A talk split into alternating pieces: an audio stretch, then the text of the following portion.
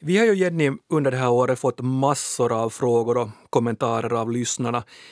Vilken tycker du att är den konstigaste eller roligaste frågan eller kommentaren vi har fått? No, alltså den vanligaste frågan jag ställs är den här att vilket är det sista ordet?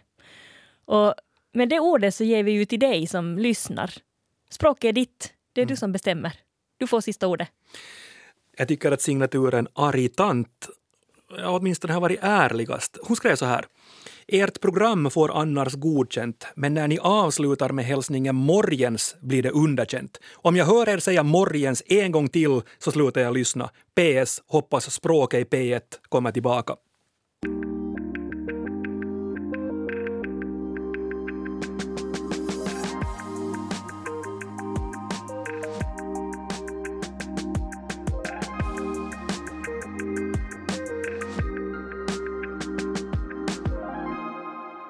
Näst sista ordet är här igen med mig, Jens Berg och språkexperten Jenny Silvin. Hej! Det här är då vårsäsongens sista avsnitt och det avsnittet ska vi ägna helt och hållet åt era frågor. För under de här 45 veckorna vi har gjort podden har vi fått in sanslöst mycket frågor och kommentarer. Och vi har inte hunnit besvara alla frågor vi har fått i mejlen, men idag tänkte vi alltså göra bot och bättring och reda ut en del av de spörsmål ni sänt in efter våra sändningar. Känner du dig redo, Jenny? Ja.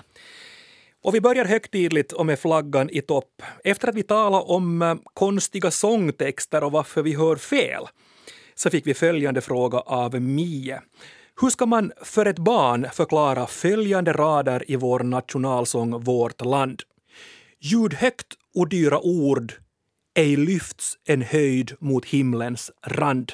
Alltså den här frågan känner jag ju att den, att den träffar mig rakt i hjärtat för, för jag är ju sångare tycker om att sjunga och älskar sång och vistexter av olika slag.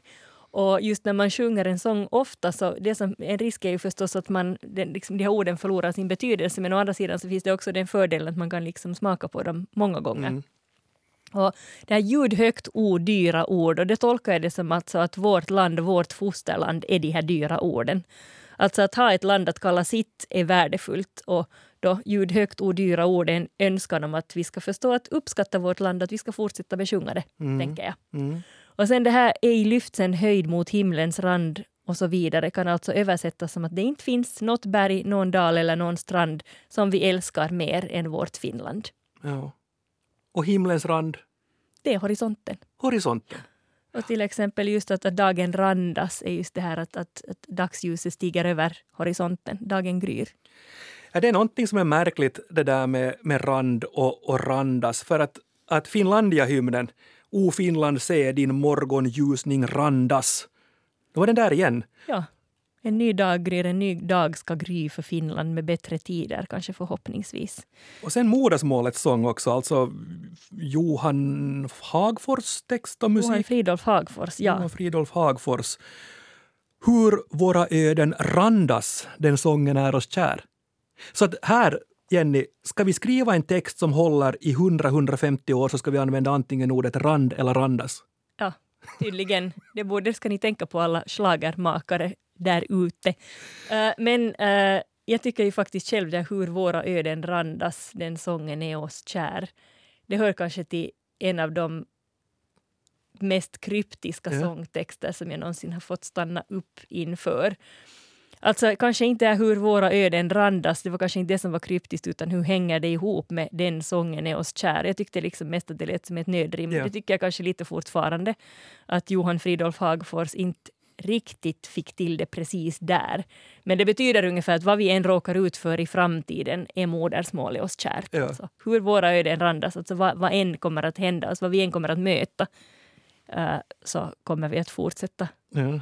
Nej, en, en sån här klassisk text som jag också fått eh, stanna upp och fundera vad den riktigt betyder, så är alltså Sankta Lucia-sången.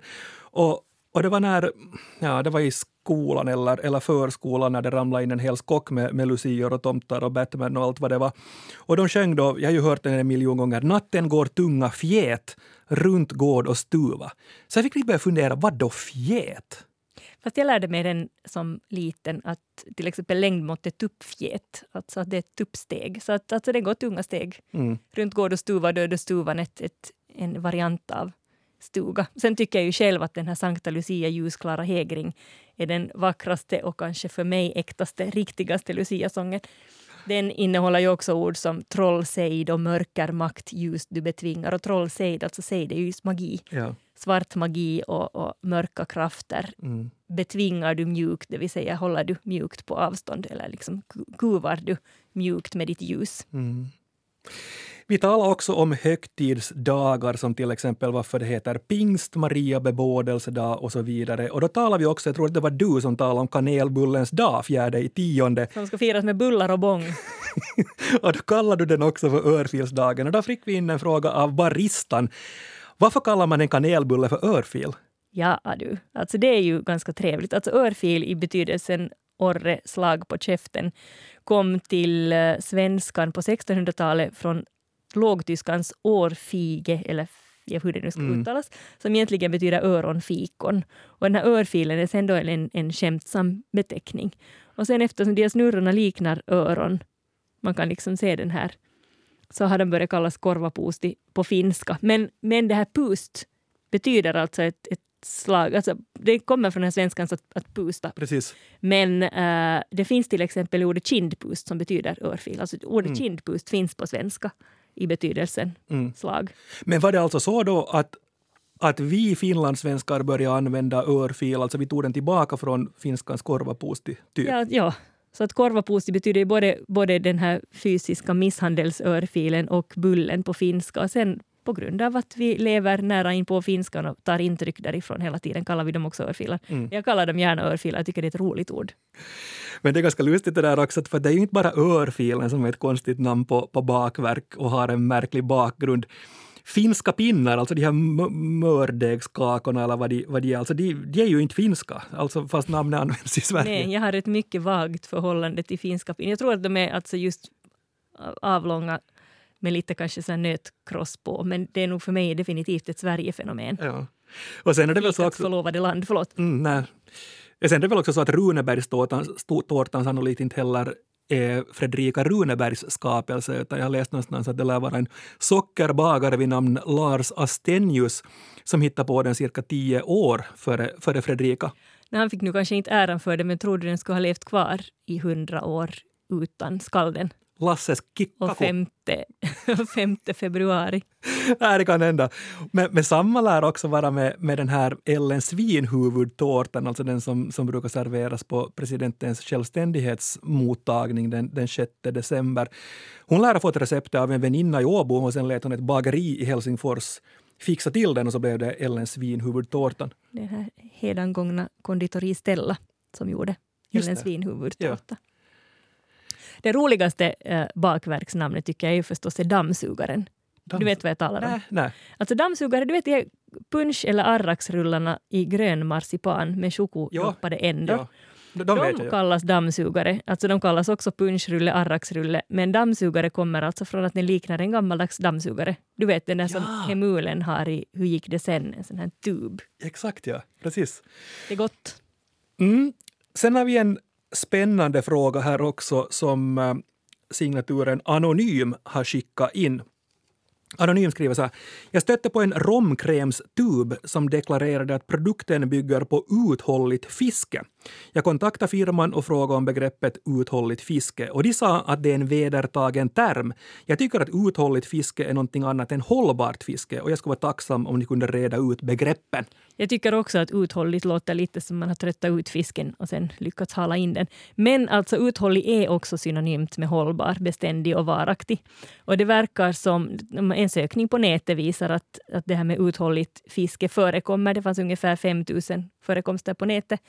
Och också från alltså just uh, källor som sysslar med fiskecertifiering. Men hållbart fiske är ändå betydligt vanligare. Det var alltså 87 000 träffar på nätet jämfört med ungefär 5 000 träffar på uthålligt. Men man kan också använda alltså om uh, uthålligt jordbruk och skogsbruk, fast det vanligare är ändå att tala om hållbart jordbruk. Mm. Vi kommer idag också att eh, ta lite hjälp med att svara på era frågor. Vi hade ju här i ett avsnitt besök av din kara, mannen, språkforskaren Martin Persson. Det var ganska roligt. Det var roligt. Ja. Och då talar vi om svenska lånord i finskan och det var ett avsnitt som föranledde mycket respons och många nyfikna frågor. Här är en som Mats ställde oss efter det avsnittet. Han undrar om det finska ordet raja, alltså gräns, månne kommer från svenskans rå. Han har läst en teori om, om att ordet raja kommer från ryskan, men han är osäker på den. Och så undrar han också om ordet napuri, alltså granne, kommer från de germanska orden nabo och neighbor. Och här så bad vi Martin kolla det här och så här skriver han och svarar på frågan. Ja, han menar alltså att det här med napuri är ganska klart fall att det kommer från äh. de här nordiska språken eller då liksom germanska språken, sen alltså rengas, valas, kuningas, ruhtinas och kuva, alltså som lär alltså ha samma ursprung som det svenska ordet skugga. Så de kommer alltså från, de, de är alltså nordiska, ja. eller germanska, har, har någon sorts germanskt ja. ursprung. Men det där med raja och rå vet jag att Martin också har funderat på och många av dagens långa å i svenskan kommer från äldre långa a till exempel på pati, alltså som ju inte betyder är inte direkt synonymt med båt utan snarare kanske betyder skorv. Mm. Men malata, lari för lår, äh, alltså lådan lår, äh, ja. kali för kol och så vidare. Men Martin anser att han inte vågar ha en stark åsikt om det enskilda ordet, till exempel då raja, för att det finns ett ord, antal ord där det är svårt att veta varifrån de kommer. Ranta och rastas hör till ord som man tänker alltså strand och trast tror man lätt är gamla nordiska ord, men de kan alltså lika gärna till exempel då vara fornbaltiska. Så det här raja eh, det här lutar också, Martins förklaring lutar åt att det snarare har ryskt ursprung. Ja. Så där Martin så ger Mats rätt på den ena och sen är han osäker på, på den andra. Napuri definitivt ja och Raja tja, vet inte. Jag jag tycker det skulle vara ganska roligt, Jenny, att, att någon gång nu på hösten kanske vända på steken och, och syna vilka finska ord som används i svenskan, alltså till exempel coola vippen från Kuola. Ja, och, coola av, ja. Ja, så ska vi be Martin komma hit igen tror du och diskutera? Ja, säkert, han är inte svår. Men det kan det vara intressant också att se hur alltså Sverige, finskan påverkas av, att, ja. av svenskan. Mm. Sen en fråga till. Mm, Heidi äh, frågar så här. Hon undrar över ordet att tsuppa. Åtminstone i Österbotten används ordet tsuppa, tjuppa. Man kan tjuppa iväg till stan och be någon tjuppa och hämta en kopp kaffe och i finskan används tsuppari som närmast betyder springpojke eller bud. Hur har ordet kommit in i svenskan och finskan undrar Heidi. No, alltså jag har alltid hört det just med det uttal som du använder, här tjuppa snarare än tsuppa på svenska. Ja, ja. Alltså, vilket gör att det är ett ord som verkar ha åkt liksom lite så här pingpong mellan finskan och svenskan. Alltså, Tsuppari är då precis som Heidi skriver en springpojke och tsupata, tsuppailla kan man också använda på, på finska just mm. alltså. Det betyder antingen springa, gå eller sticka iväg på ett ärende. Och det här, slangforskarna är inte helt säkra på det här ordets ursprung, men eftersom en stor del av Helsingforsslangen bygger på svenska antar man alltså att också det här ordet har en koppling till svenskan. Antagligen ordet skubba som betyder springa ja. sig av. Så då kan det vara alltså man, man skubbar iväg så blir det tsupata och sen, sen när man använder det på svenska igen så kanske man ändå sen vill göra det svenskare och säga tjuppa. Att, ja. att det visar på att, att, det just blir en sån här pingpong-effekt. finskan tar en effekt från svenskan som sen tar det, från fin, tar det tillbaka från finskan och eventuellt sätter en svensk prägel på det. Ja, för jag tänkte att att skulle det också månne kunna komma från ordet schappa, alltså säger man inte man tar till chappen ja. och man liksom rusar iväg och, och springer ja. iväg. Ja. Kanske flyr. Kanske flyr, ja. ja. Så det skulle kunna också vara chappa som blev schuppa som blev tjuppa. Vet inte. Jag tror nog snarare på den här skubba ändå, men jag vet inte, jag menar mm. att ordet skubba känns nog ganska ålderdomligt. Ja, vi hade under våren ett annat avsnitt som föranledde massor av respons. Och det handlar om svengelskan och om engelska ord och uttryck som har smugit sig in i svenskan. Då var det bland annat Peter som skrev oss och frågade om ordet lämna utan att specificera vad som lämnas. Till exempel i rubrikerna som Peter hade hittat “Fansen sörjer då Ronaldo lämnar” eller AIK rensar, sju spelare lämnar. Peter skriver att han har tolkat det här ganska vanligt förekommande ordet lämnar numera som en direktöversättning från leaving eller leaves. Peter undrar om det månne ligger till så här. Ja, så är det absolut. Alltså jag har inte just stött på det här fenomenet i finlandssvenska texter. Där är det oftare det här österbottniska lämna som förekommer. Vet du, väskan lämna i bilen, alltså. Jag glömde väskan i bilen. Eller han lämnar hemma, det vill säga han stannar kvar hemma. Men, men eh, på engelska används just det här ordet to leave både med och utan objekt. Eller liksom utan att nämna vad det är som... Alltså, man kan säga alltså leave the country, lämna landet. Eller bara leave, det vill säga sticka, avlägsna sig. Så att, visst har jag sett just det här att man, man lämnar... Vi, åtta var där, men tre lämnade. Mm. Jag noterar faktiskt lite samma saker som som Peter, jag, jag också, jag, jag, jag började söka, söka lite rubriker och hitta Messi Leaves och då var det utan att skriva ut klubben. Och så märkte jag, man, märkte jag också att man i, i svenska NHL-notiser har kopierat in den här formuleringen typ transferbomben Laine lämnar. Och, och ofta sport verkar det att vara. Ja, sporten är ju ofta, den, den tar ofta in, äh, in influenser från andra språk, särskilt engelskan. Då. Men alltså den här just med att lämna utan att berätta vad, vad, vad man lämnar är nog en, en konstruktion som språkråden avråder ifrån eftersom den av många uppfattas som främmande och därför väcker irritation. Jag tycker till exempel inte att det är särskilt snyggt. Det är liksom inte, det är inte ett, en konstruktion som jag har saknat i språket. Det finns andra smidigare sätt att uttrycka sig.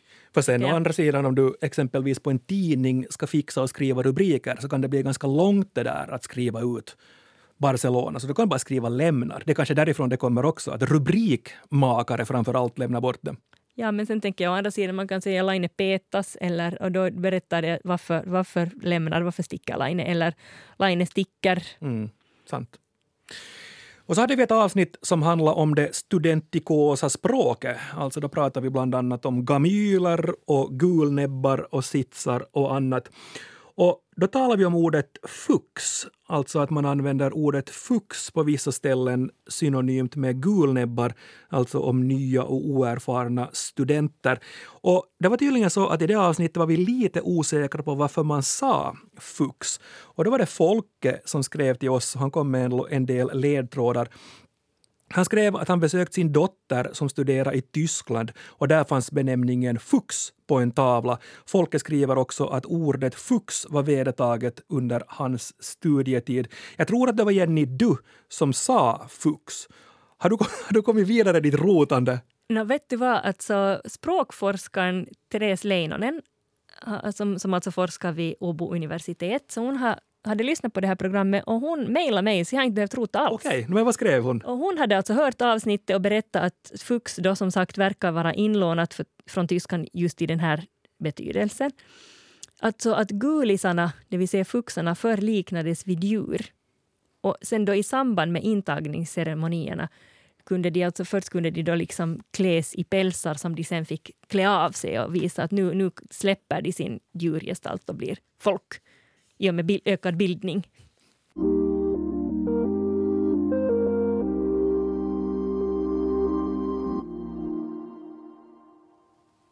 Efter att vi diskuterar ordet odåga och då undrar om det också finns dågor, så skrev Mårten till oss så här. Det finns också andra vitsiga luckor i ordbildningen. Till exempel kan man bli förbryllad. Men vad är att brylla? Oförskämt beteende är ganska illa, men förskämt beteende är väl inte mycket bättre, skriver Mårten. Och ypperlig. Vad kan det ordet komma från? Ska vi börja Jenny med förbrylla och brylla? Finns det alltså ett ord som brylla? Det där fick vi lite läsa på, men, men alltså det finns ett urgammalt verb, att brylla, som alltså betyder att man, eller urgammalt, urgammalt, men gammalt, att man för någon bakom ljuset, luras eller narras. Och på 1600-talet har man bland annat talat om bryllerskor som alltså var lätt förvirrade och vimmelkantiga fruntimmer. Du, du, du, du, din bryllerska. Vi talade ju förra, för några, några veckor sedan om yra höns, just att de är, de är vimsiga. Så, så de, man kan ju kalla dem bryllerskor ja, nästan. Ja. Och sen alltså från det här att brylla, att brylla någon så kan man sen då bli förbryllad, lite så här förvirrad. Och så var det då Mårtens andra fråga och det var ordet ypperlig. Varifrån kommer det?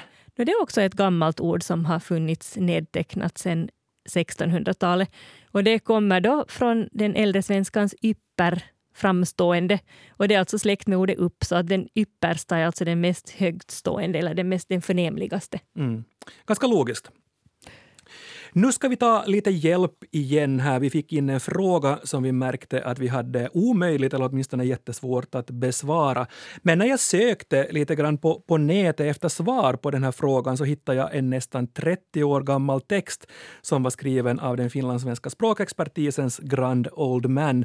Och nu är jag jätte, jätteglad att få säga välkommen till näst sista ordet, Mikael Reuter. Hej, tack. Vi har Mikael fått in en fråga av Emma och det är alltså så att varken Jenny eller jag kan besvara den. Men så hittade jag en briljant text du skrev för cirka 30 år sedan och då tänkte jag att nu får du Mikael hjälpa oss med, med den här frågan. För Emmas fråga lyder så här. Varför heter vissa länder Italien och Brasilien medan andra har formen Namibia och Colombia? Vad avgör alltså om ändelsen ska vara IA eller eh, äh, IEN? Vad säger du Mikael om det här? Ja, jag säger nog samma sak som jag sa för nästan 30 år sedan, det vill säga att det här med IEN, det är liksom en, en gammal stabil form som eh, används framförallt, eller nästan enbart om, ja inte enbart, men, men framförallt om länder i Europa Eh, och vi har alltså Italien och Spanien och så vidare. Och så vidare. Eh, medan formen på IA det är liksom den mera internationella och eh, den har tagits för eh, länder som eh, på sätt och vis har tillkommit senare, kanske blivit självständiga senare. Så att den förekommer framförallt i Afrika, Namibia och så vidare. Men också delvis på, på andra håll i Asien och uh, Sydamerika och så vidare, Bolivia och, och så. Mm. Så att uh, det är den tyska formen som är igen, alltså den, så att säga, den internationella som används till exempel i, ja, i engelskan och uh, också i finskan och norskan faktiskt och, och, så vidare. Det är den här på IA. Finskan är ju på IA ja. i det här sammanhanget. Eh, medan då den tyska är igen och den har svenskan och danskan till exempel eh, lånat. Så att eh, det är stor likhet mellan tyskan och svenskan. Tyskan har också eh, IA, i vissa fall IA-former eh, när det gäller de här senare, mo, mo, så, så, så, att säga moderna, mm. vad ska vi kalla dem, ja. framförallt afrikanska eh, länderna. Precis. Så att jag menar, eh, ta att vi ska se nu till exempel, det är, det, är, det är ett gammalt land, Bolivia, men det är i varje fall utanför Europa. Uh, och uh, där heter det på tyska Bolivien, men uh, på finska Bolivia, på svenska Bolivia, på nordsamiska Bolivia, engelska Bolivia och så vidare. Mm. Tittar jag här, en sån här ja. lista över namn på stater som jag sitter med. Ja. Så att Jo, vi, vi, i svenskan så följer vi tyskan. Ja. Men inte i fallet Bolivia faktiskt. Där hade faktiskt Bolivien på tyska. Ja. Sen finns så det ju det, några... Ja. Det, det är lite, lite vacklande det här men helt klart är det i varje fall så att, att det finns så vitt jag kan se inte ett enda land eh, eller motsvarande i Europa som skulle ha ett, i svenska namn på IA, de är alla igen. Ja. Och det gäller också de här ja, nyare namn som Tjeckien till exempel som har kommit efter att Tjeckoslovakien delades upp i Slovakien och Tjeckien. Är. Och Bosnien och Georgien och Armenien och så vidare. Bosnien, ja. Georgien är ju gammalt, mm. det är ju gammalt men, men Bosnien, liksom Bosnien-Hercegovina och så vidare. Ja. Sen finns det, några konst, äh, sen finns det Mikael, några konstiga också. Uh, Turkiet, ja. Mongoliet, ja. vad va, va, va är det då? Det, det är ju intressant det där. Eh, och faktiskt var det ju så att eh, Tjeckoslovakien på, på, i, i Sverige tidigt, tidigare kallades Tjeckoslovakiet också. Så att eh, no, det heter ju inte Alltså, det heter ju inte på IA i de andra språken heller. Turkiet heter inte Turkia, utan det heter Turkey på engelska. Turki på finska. Sant. Och så vidare. Och tur, ty, Tyrkaj på, på tyska. Så att, att det är liksom en annan kategori. Mm. Man kunde naturligtvis spekulera i att, att man uppfattar det som ett eh, neutrumord med bestämd form medan de andra då är eh, en ord. Men, eh, men det har nog inte med det att göra direkt, utan det, det råkar göra på det här viset. Mm. Det finns ju inget, Turki som sen skulle bli Turkiet i bestämd form. Nej. Nej, nej. Men jättebra Mikael, alltså. Då talar vi om europeiska eh, stater, äldre, där är tumregeln IEN och nyare stater utom europeiska IA. Så tumregeln, om det, om, det grundas eh, ett nytt land eller om det uppstår ett nytt land så är sannolikheten större att det är IEN ju närmare Finland vi, vi, vi, vi kommer. Ungefär så. Ja, framförallt i Europa, ja. Ja. Men då, då i Afrika till exempel eh, blir det på IA. Mm. Så, men vi har alltså då, utanför Europa har vi ju de här riktigt gamla, Indien, Australien och Indonesien och så vidare, så att det, och Br- Br- Brasilien, men, men, men det, det är sen en annan sak. Ja. Ja, medan Malaysia Så som... det har nog mycket att göra med det här med Europa. Ja. Tack Mikael Reuter för att du var med oss och hjälpte oss här med den här frågan. Tack så mycket. Tack så mycket och lycka till med er fortsatta, era fortsatta förklaringar. Tack, Tack. Hej. tack snälla, hej då. Ännu en avslutande fråga här. Lisa frågar kort och gott varifrån kommer ordet och uttrycket fridens liljor? Alltså som en hälsning när vet du, man önskar någon välgång och lycka. Fridens liljor, ja, Det är trevligt. Ja. Jag tycker det är en trevlig önskan. No, alltså, I Bibeln till exempel så återfinns de här liljorna på många ställen och de är alltså en metafor för renhet och fred. Och det här med alltså att önska någon fridens liljor, så det är väl egentligen att förstärka helt enkelt det här freds och fridsbudskapet. Uh, tydligen så för, för påträffades det första gången i en svensk diktsamling av Erik Stagnelius år 1821. Och Stagnelius var en sån här ganska... Mm, han hade ganska så här dysterhet i sina, sina dikter och kanske en inre längtan efter frid.